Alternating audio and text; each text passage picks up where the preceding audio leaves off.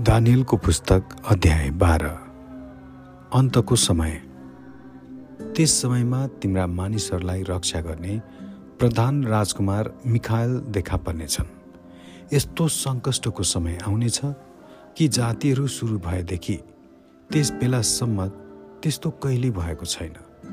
तर त्यस बेला तिम्रा मानिसहरू जीवनको पुस्तकमा नाम लेखिएका सबै बचाइनेछन्।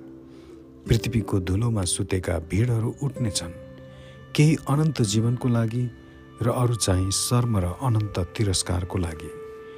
बुद्धिमानहरू आकाशको चमक जस्तै र धेरैलाई धार्मिकतामा डोर्याउनेहरू चाहिँ ताराहरू जस्तै सदा सर्वदै चम्किरहनेछन्।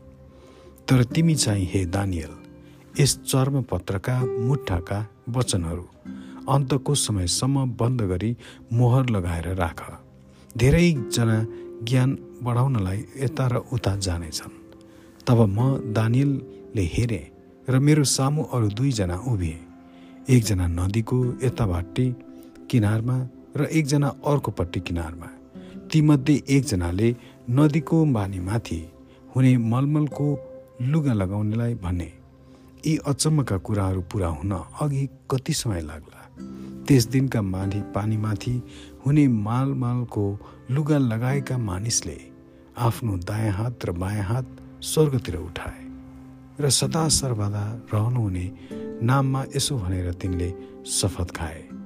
मैले सुने हे साढे तिन वर्षका निम्ति हुनेछ। जब पवित्र जनहरूको सब शक्ति अन्तमा तोडिनेछ तब यी सबै कुरा पुरा हुनेछन्। मैले सुन्न त सुने तर बुझिनँ।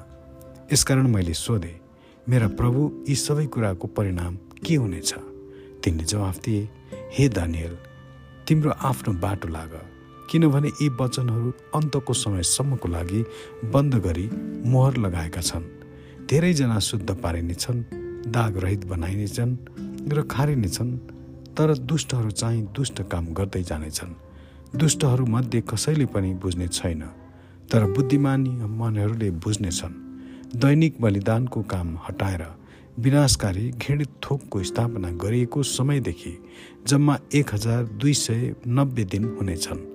यो धन मानिस धन्यको हो जो म पर्खन्छ र हजार तिस सय पैँतिस दिनको अन्तसम्म पुग्छ।